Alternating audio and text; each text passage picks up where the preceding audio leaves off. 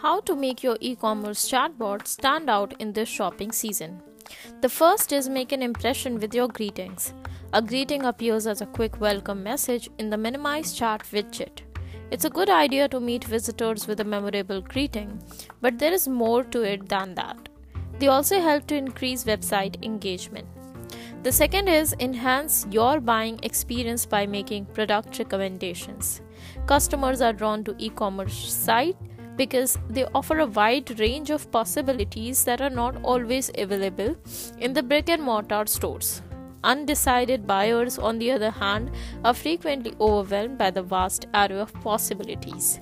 The third is make appealing offers. Customers are more likely to convert if they spend time exploring your store. More than three quarters of customers feel that they have the possibility to get a product cheaper makes them more likely to buy more. The fourth is make your chatbot more appealing to the eye. Visitors will be drawn in by the use of coordinated colors and appealing visuals, which will help you better communicate your message. The chatbot is a strong and user friendly chat widget and bot because of this to make them look consistent with your business style, attach your logo, brand colors, and images. The fifth is product recommendations might help you tailor your purchasing experience. Customers can find a wide array of options on e commerce sites that are not always available in brick and mortar stores. Now, the messages and help e commerce businesses close to the customization gap.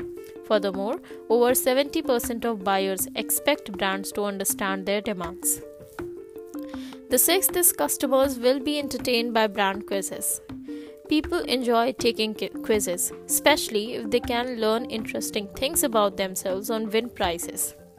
Why not take a chance and use chatbot quizzes to spice up your shopping experience?